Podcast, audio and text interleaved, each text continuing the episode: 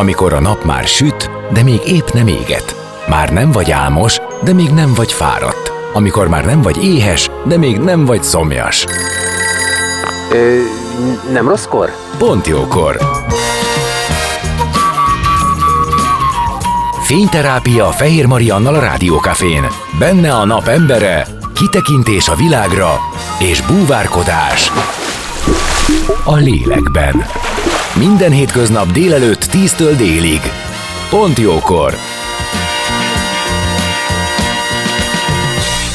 Szép napot mindenkinek, én Fehér Marian vagyok, 10 óra elmúlt 9 perccel, és már is kezdődik a Pontjókor, amelynek az első órában, órájában a nap embere Büki Anna író lesz, de korán sem könyvről, vagy saját könyvélményről fogunk beszélgetni, hanem sokkal inkább az ő életmódváltásáról, az, ami az utóbbi években nagyon közel került hozzá a joga, maga is jogaoktató lett, nemrég tért vissza Indiából, nyilván ott is egy csomó élmény érte, és még egy módszerről, ami már a búvárkodás a lélekben ö, témakörhöz tartozik, egy ö, olyan terápiának a ki, vagy módszernek a ki és megtanulásáról, amelyel ő sokakon tud segíteni, meg nyilván saját magán is. Szóval a zene után jövünk, és már is kezdünk, úgyhogy maradjatok.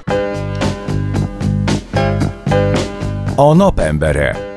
Most jöjjön valaki, aki tényleg valaki.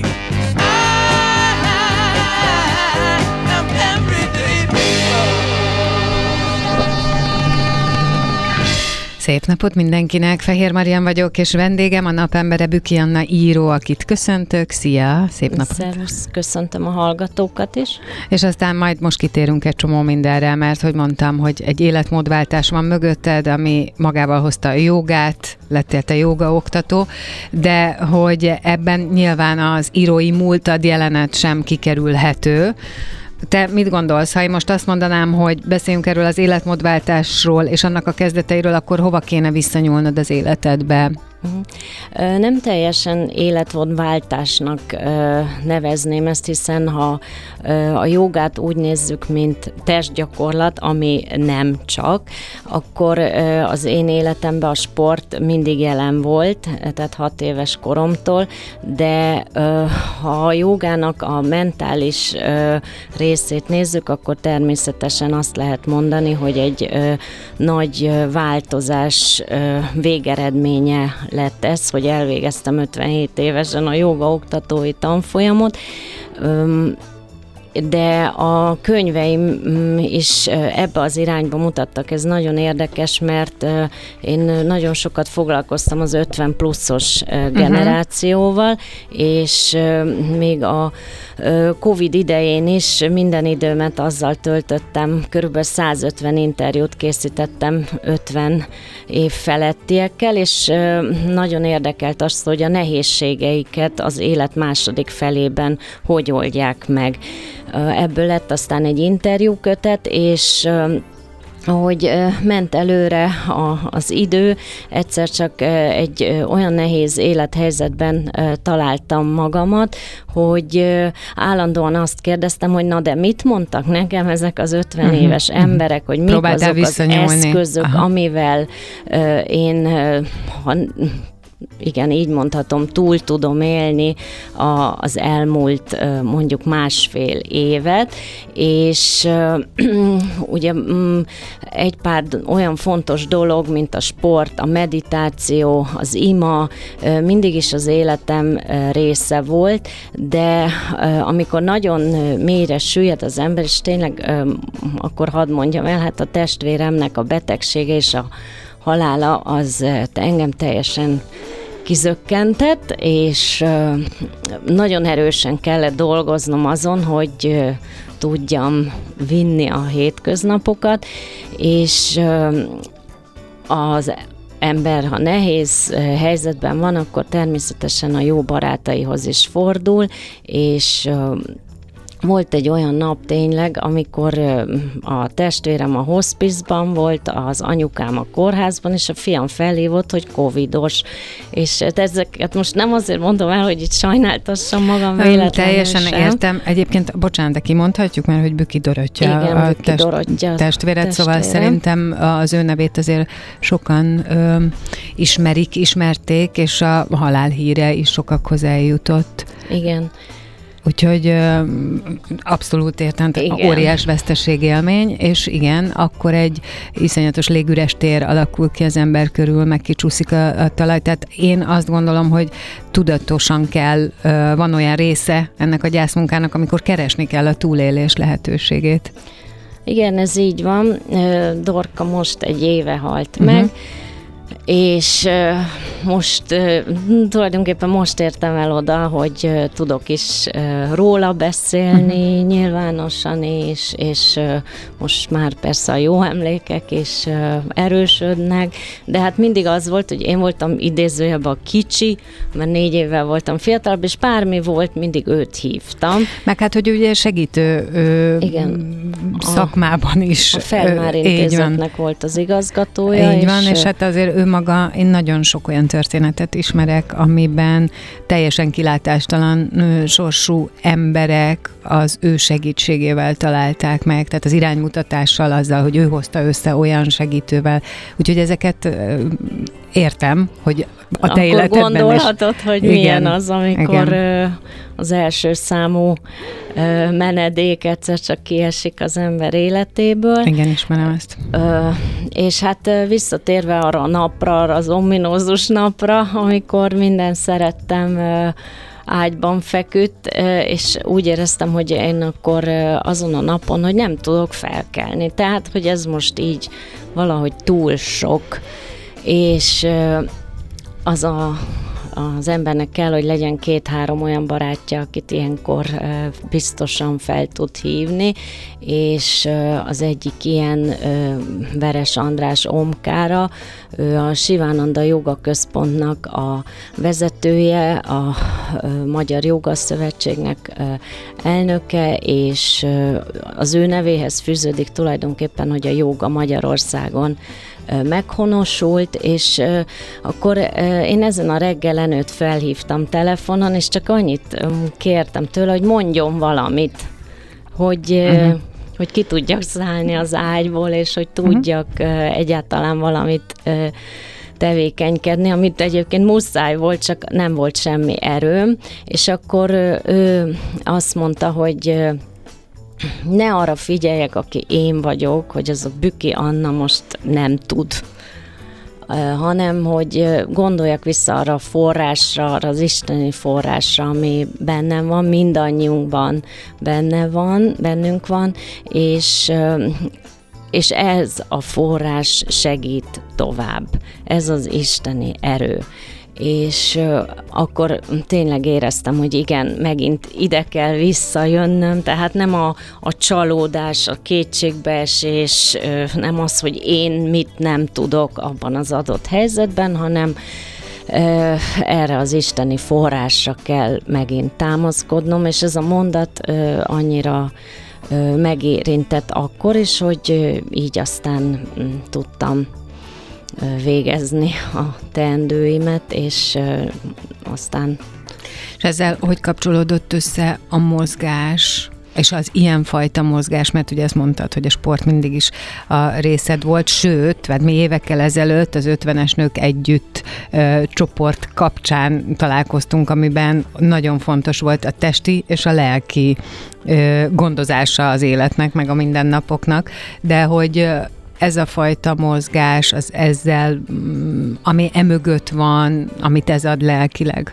az gondolom, hogy valahogy így, de pontosan mikor és hogy történt. Igen, ez egy hihetetlenül érdekes tapasztalat, és mivel átéltem, ezért nagyon nagy örömmel és szívesen osztom meg, és nagyon remélem, hogy mások is átélik ezt, mert akkor, ha átélünk egy fontos pillanatot, akkor sokkal könnyebben meg is értjük.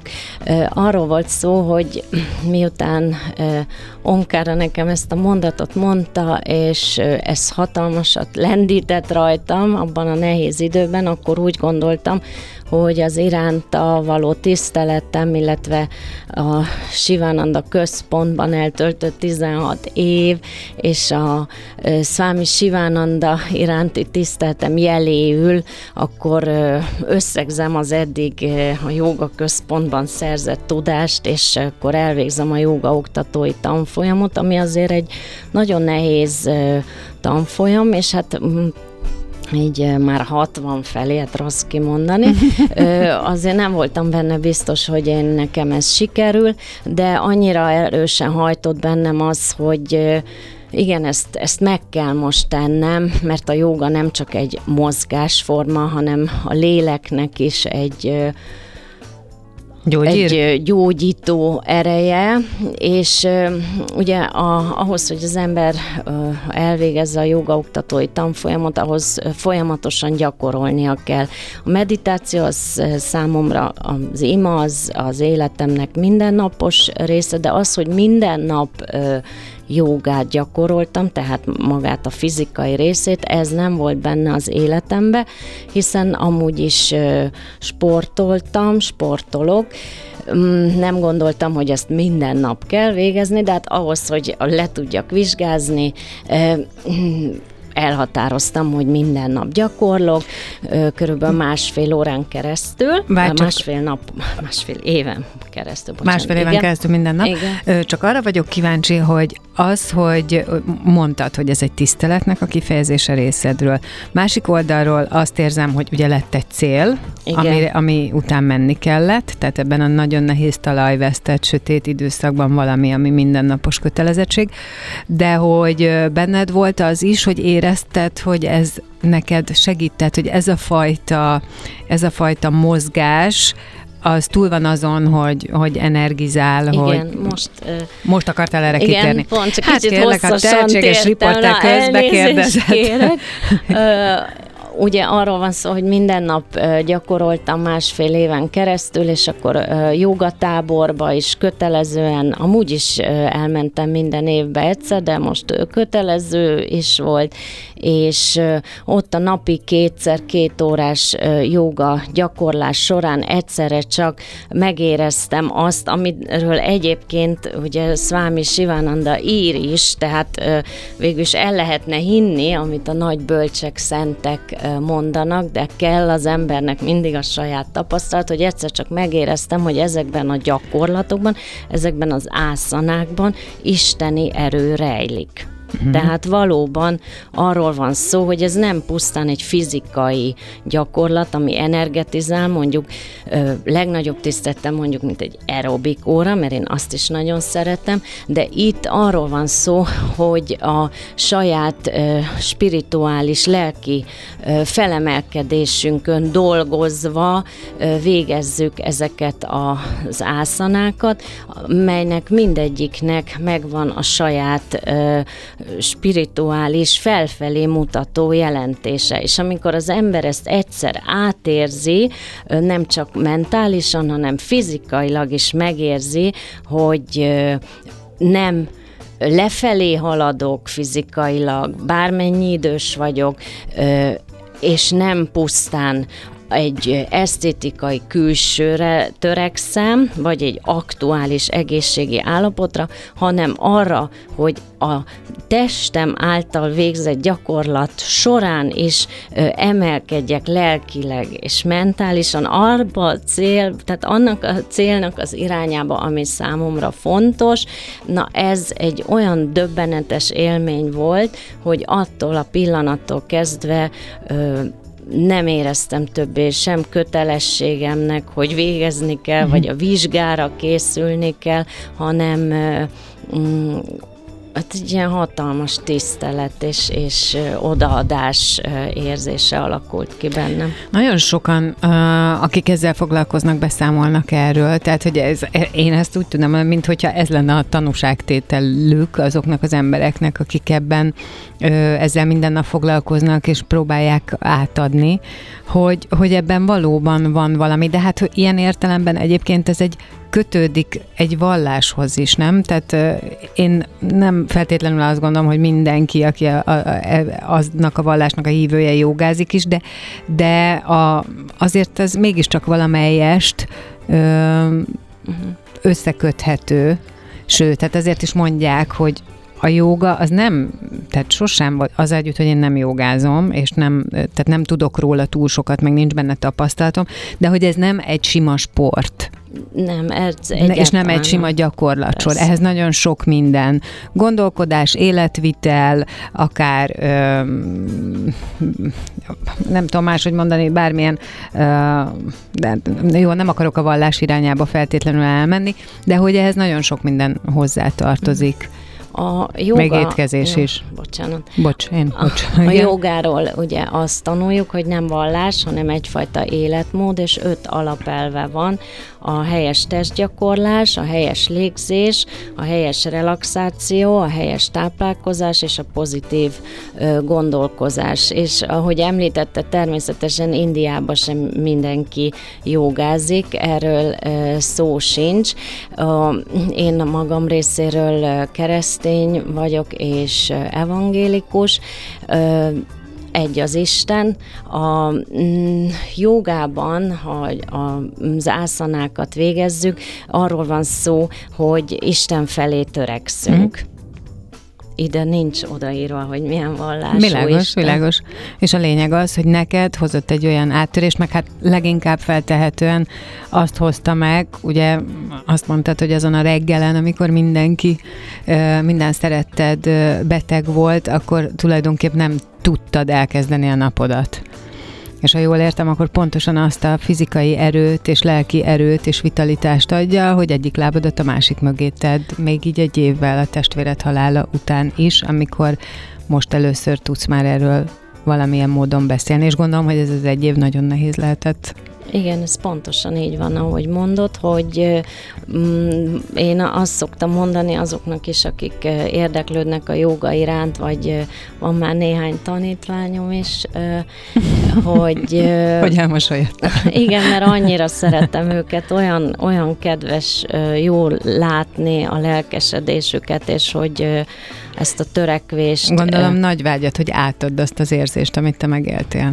Igen, igen, hmm. igazából ez, ez hajt, hogy az ember átérezze a fizikai mozgás közben is, tehát hogy hogy, hogy ennek van egy mélyebb, sokkal fontosabb jelentése, és tényleg, hogy akárhány éves az ember, ez nem azt jelenti, hogy, hogy egy ilyen fenntartás, vagy vagy a lepusztulást, tehát nem egy negatív, nem egy negatív jelentés. Én például most tényleg elmondhatom magamról, hogy sokkal fittebb vagyok, mint valaha, pedig hát, amint mondtam, hat éves korom óta sportolok, tehát uh, itt állok élő példaként, de nagyon sok uh, ilyen példa, uh, ki, vagy példa uh, van a joga központban, úgyhogy nem én vagyok az egyetlen. Nagy megújulás ez. Azt mondtad nekem még kint, hogy ahogy elkezded a gyakorlatokat, második, harmadik gyakorlat után érzed a sejtszintű ébredést, megújulást, erőt. Ez pontosan így van. Tehát azt mondom a tanítványoknak is mindig, hogy a joga az valójában egy hihetetlen egoizmus, hogy, hogy szabad gyakorolnunk, mert minden napüdvözletnél, ha a sorozatot végigcsináljuk, akkor körülbelül a harmadik, negyedik napüdvözletnél már érzi az ember, ahogy a sejtjei így, így megindulnak, ilyen hálásan köszönnek, hogy, mm. eh, hogy milyen jó ezt eh, végezni, és uh, én tükör előtt szoktam gyakorolni, és azért például pontosan tudom, hogy, hogy milyen piros poskás lesz az ember, mennyire szépen alakul a bőrszíne, akkor itt a, eh, hadd mondjam el, nekem van ugye egy ilyen nagy női csoportom, most már lassan 27 ezren vagyunk, eredetileg 50 pluszos eh, nőknek szántam, de most már vannak 40-esek is,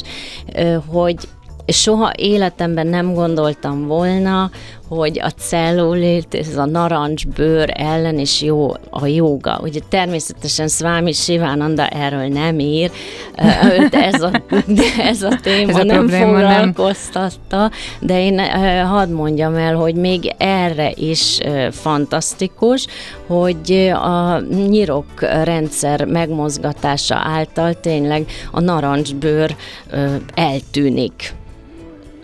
Hát ez maga a csoda, Na, mondjuk Igen. ki.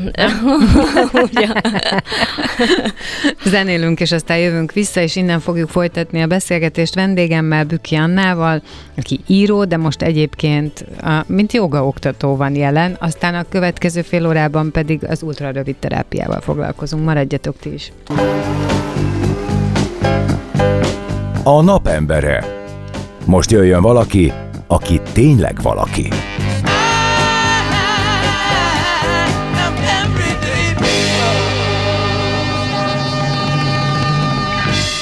Fehér Maria vagyok, és vendégem a Pont Jókorban a nap embere Büki Anna író, de egyébként most a joga oktatásról beszélgettünk, hiszen az életedbe bejött a joga, mint mozgásforma, aztán utána hozott neked egy olyan felismerést, ami azt mutatta meg, hogy ez egy teljesen más életmód, teljesen más lehetőségeket ad, és el is végezted a joga oktatói tanfolyamot, és én mondtam, hogy nemrég tértél vissza egy hete Indiából. Eznek az utazásnak köze volt a jogához?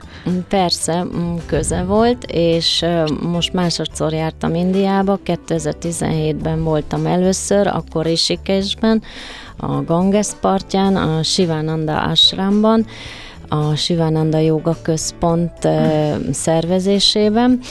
Akkor három hétig, és most két hétig voltam. Mm, most délen voltam Keralában, mm, az Ayurveda központjában, és hát ez egy teljesen más élmény volt. Ugye a kettőt nem is nagyon lehet összehasonlítani, de mindkét helyen gyakoroltam a jogát, és amikor így egy központnak a szervezésébe mész ki, gondolom, hogy akkor ez egy kicsit kötött. Tehát valamilyen módon fel van építve, hogy hogyan is néz ki ez a túra, vagy a napok.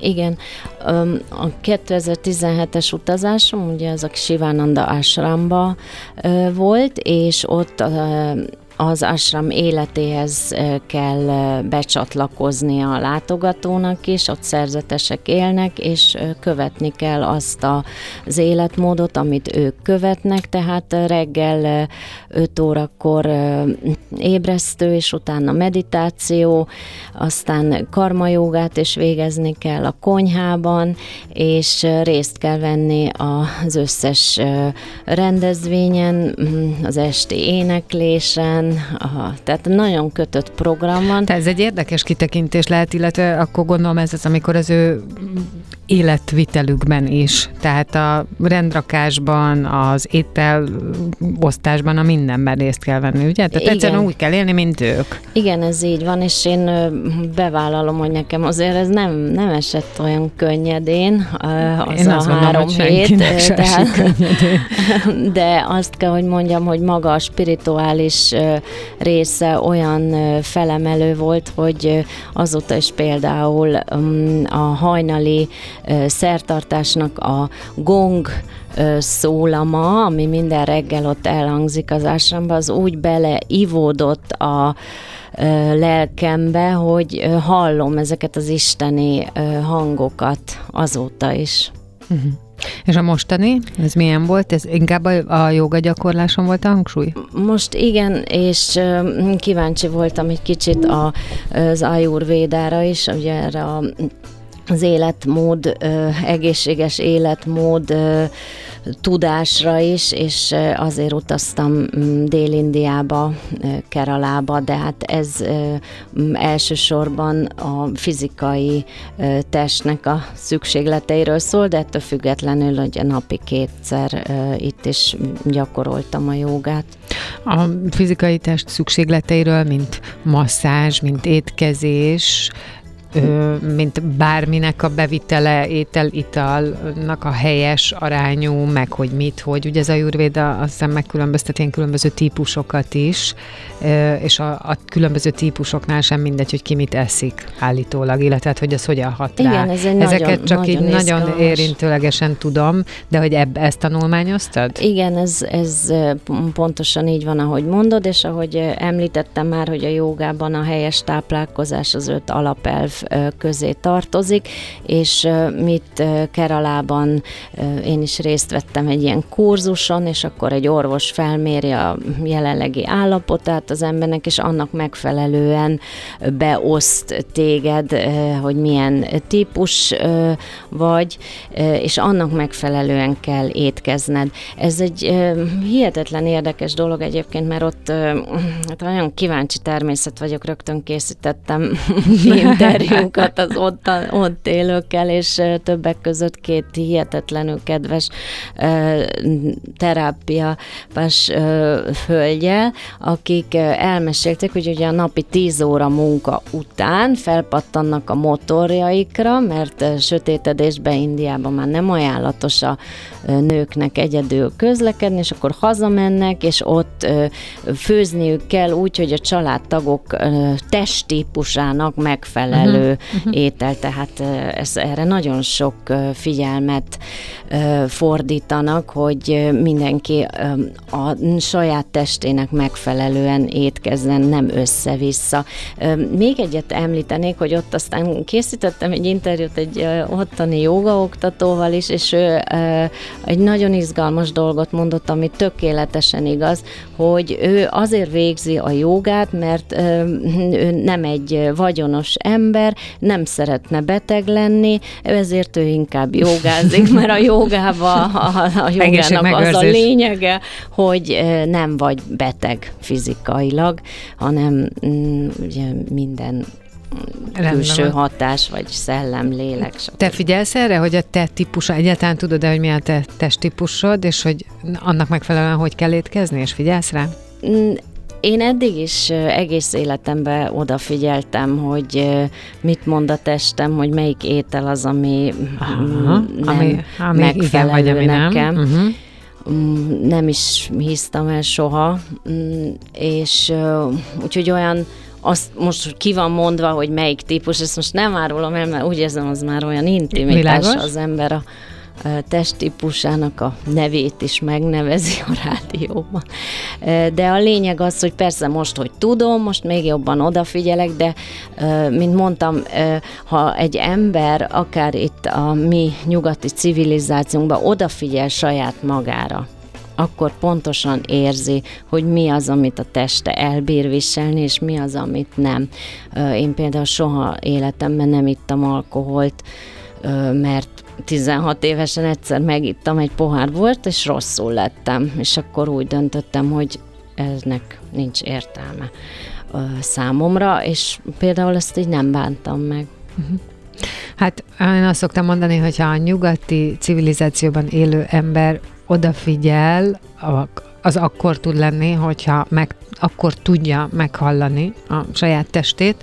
Erről pont a múlt héten beszélgettünk hogyha, hogyha le tudja annyira halkítani azt a zajt, ami körülötte van, hogy, hogy tud magára figyelni. Tehát, hogy itt tudatosan, itt, itt nem itt nem alkalmasak a, a körülmények arra, hogy te minden pillanatban halld magad, neked azt meg kell keresni, vagy ki kell menni valahova egy kicsit, elvonulni, vagy tudatosan ki kell szakítani a napodból egy kis időt. Ugye ezek a, a keleti vallások, ezek beépítik az életbe azt, hogy, hogy legyen idő önmagadat meghallani. Meg hát feltehetően sok helyen olyanok a körülmények. Itt a nyugati civilizációban azt lássuk be, hogy nem. Itt ezen dolgozni kell. Ez így van. Én ugyan azért azt láttam, hogy Indiában is eléggé stresszes életet élnek, és ott is nagyon dolgozniuk kell azon, amit így említettél, és itt az önismeretről van szó, hogy, hogy folyamatosan gyakorolnunk kell azt, hogy a középpontunkat ne veszítsük el, és amiről az adás elején beszéltünk, ugye, hogy én is hiába vagyok gyakorló, meditáló, bár nem szeretem ezt a szót, hogy meditáló, de mindig is sportoltam, és mégis vannak olyan élethelyzetek, amikor egyszerűen olyan Hogyan? szinten kiesik az ember saját magából, vagy még a forráshoz való odaforduláshoz sincs ereje, hogy bizony ezt, ezt nem lehet abba hagyni. Tehát itt, itt ez a gond szerintem inkább amit említettél, hogy a nyugati civilizációban annyi hatás ér bennünket, de hogyha abba hagyjuk a gyakorlást, akkor sokkal nehezebb újra elkezdeni, és itt most említenék is egy mondatot, mm, ami Swami Shivananda jobb kezének, Vishnu Devanandának a mondata, aki behozta a jogát nyugatra, hogy egy gram gyakorlás több tonna elmélettel felér, és ez azt jelenti, hogy hiába tudjuk, és hiába beszélünk arról, hogy mit kellene csinálni, a mi civilizációnk semmivel nem idézőjebbe fejletlenebb az önismeretben, nekünk is megvannak azok a spirituális forrásaink és eszközeink, de ha nem gyakoroljuk, akkor teljesen mindegy, hogy mit olvassunk, vagy milyen vallást képzést követünk, vagy milyen intézetbe iratkozunk be. Hát azért itt az embernek saját magának is lépnie kell. Van. És akkor itt rá is kanyarodhatunk az ultrarövid terápiára, nem? Mert hogy, hogy ez is egy módszer, amit, amivel te az utóbbi időben megismerkedtél, elvégezted, de ezt majd te pontosítod, nem akarok olyat mondani, ami nem valós. Nyilván a nevében az, hogy ultra rövid, egy kicsit azt gondolom, hogy már ebben benne van a nyugati nyomás, vagy a nyugati ö, civilizáció adta lehetőségek, de akkor mondd el te, hogy mi ez. Az ultra rövid terápia dr. Buda László ö, találmánya. Itt csak azt hogy tegyem, ő, én a szomatodrámát ismerem ő általa, ugye a test, testtel való, ö, a test panaszainak és a, a test hangjának a meghallása, és ebből lett egyébként, tehát kapcsolódik hozzá, vagy ez egy teljesen új dolog?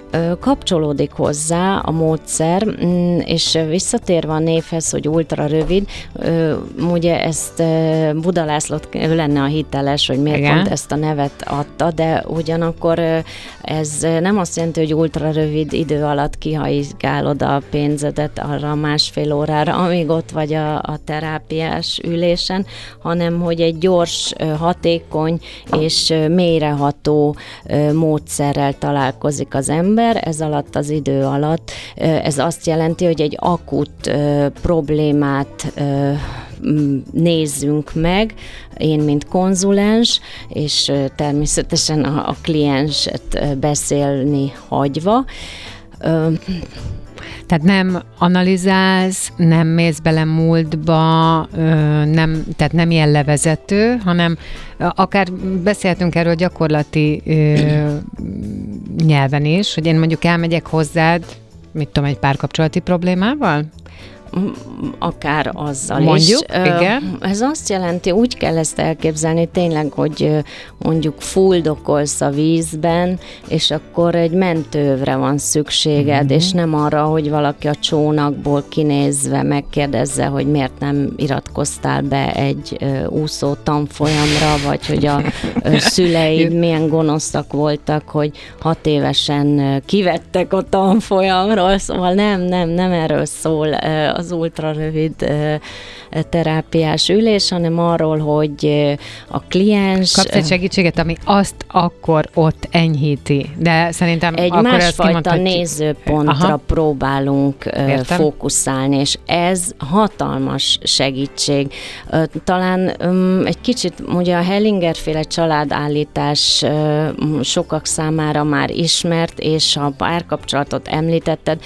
Magam részéről egyszer átéltem egy olyan élményt, hogy valaki kétségbe esetten felállította a, ezt a problémáját, a szerelmével, és akkor egyszerűen a terapeut megfogta őt a vállánál szeliden, és egy kicsit elfordította 10 centire, hogy egyszer csak ki tudott nézni az ablakon, egy uh-huh. másik irányba, és hirtelen láttam, ahogy a, az illetőnek az arcszíne megváltozott, a, a magat, az egész testtartása, csak attól, hogy, hogy valakinek sikerült 10 centit egy másik irányba 10 centire elfordítani.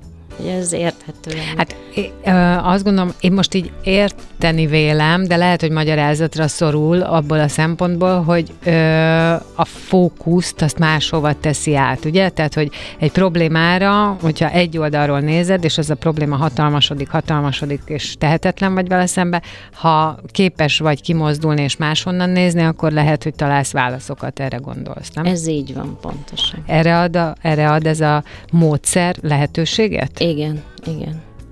És ezt megmondod, hogy hogy?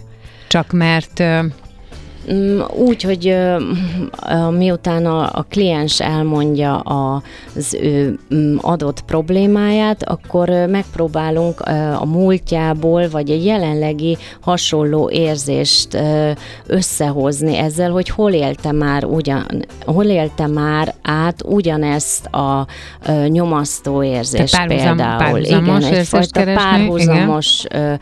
érzést keresünk, és akkor hát legtöbbször leginkább ugye vagy a gyermekkorban, vagy fiatal felnőttként érnek bennünket először ezek a traumák, amik később aztán egy teljesen másfajta helyzetben ugyanazt a reakciót váltják ki belőlünk, de ha nem vesszük észre, hogy igazából nem is úgy azért reagálok most éppen az adott kapcsolatomban úgy, mert az az adott kapcsolat ö, rossz lenne, hanem azért, mert az előző magatartás mintámat ismétlem meg mert nem dolgoztam fel, akkor ez egy hatalmas felszabadító erő. Így van, én ezt úgy hívom, hogy amikor bekapcsol valami, és akkor ugye felismerjük, hogy most éppen be, ráugrott valaki arra a nyomógombomra, ami és akkor ott már jöhet a probléma.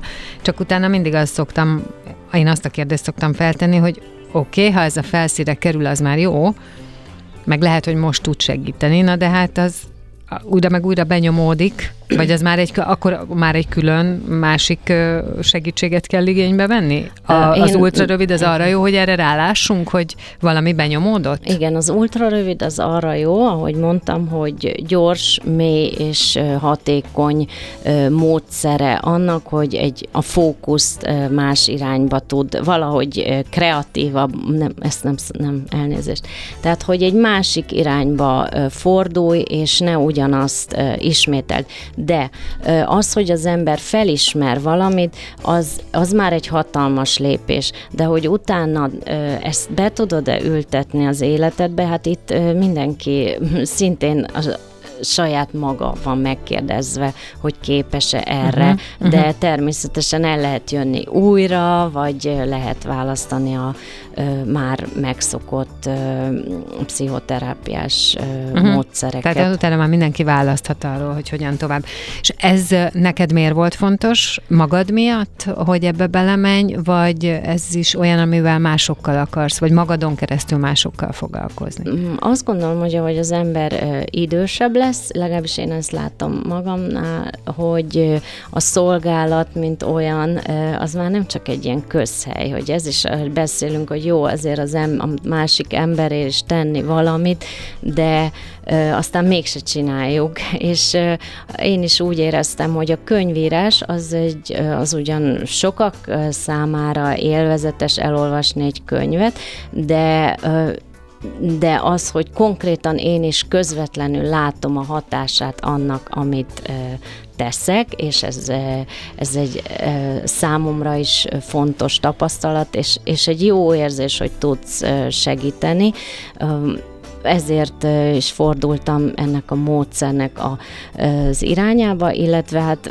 Buda Lászlóval egyszer mi tévéműsorban találkoztunk, és ott rögtön szimpatikus lett, és akkor erről beszélgettünk. És én ugyan mindig megfogadom magamnak, hogy én már több képzést nem csinálok, de, de most már úgy vagyok vele, ha már eljutottam az önismeret szintben idáig, hogy talán pontosan ez az egyik eh, jó tulajdonságom, hogy képes vagyok megújulni, hogy ki gondolta volna három évvel ezelőtt, hogy én ultra rövid terápiás konzulensként vagy jogaoktatóként fogok dolgozni, és most tessék, eh, ez bekövetkezett, és egy hatalmas pozitív változás, és nagyon remélem, hogy eh, akik hozzám fordulnak, ők is így tapasztalják ezt. Nekem meg adtál egy ötletet, fel fogom hívni Buda Lászlót. Jöjjön be és meséljen erről. Szuper, akkor üdvözlöm innen is. ez egy, nekem, nekem ebből ez a nagy, ö, hogy mondjam, amit kiveszek belőle mindenki. És a joga? Igen, ezen még gondolkodom. ez, ez az, ami valahogy még soha nem ért el engem, illetve hát ez nem igaz, mert volt nekem olyan barátnőm, aki ezzel nagyon ö, sokat és, és, és profi szinten foglalkozott, és ugyanezt láttam, amit nálad, hogy megváltoztatta az életét, és próbált is engem rávenni, de valamiért nekem ez a mozgásforma még nem épült úgy be, mint, tehát nem ilyen életmódszerűen. Így időnként megpróbálom, de majd lehet, hogy kipróbálom nálad is. Most nem akarok ilyen közhelyeket mondani, de mindennek megvan a maga ideje, úgyhogy... Hát igen. Ez is akár, igaz. Akár. Nagyon szépen köszönöm, hogy itt voltál. Örülök, hogy hallottunk rólad, hogy beszélgethettünk, és az, azt azért még mondd el, hogy könyv azért készül majd? Persze, már már ég, ég a talpam. Szóval az írói éned az marad. Persze, mindenképpen lesz új könyv. Köszönöm szépen. Büki Anna író, jelen esetben éppen jogaoktató, ultra rövid terápiás konzulens volt a vendégem. Pont jókor vagytok jó helyen. Ne menjetek sehová, a szünet után folytatjuk.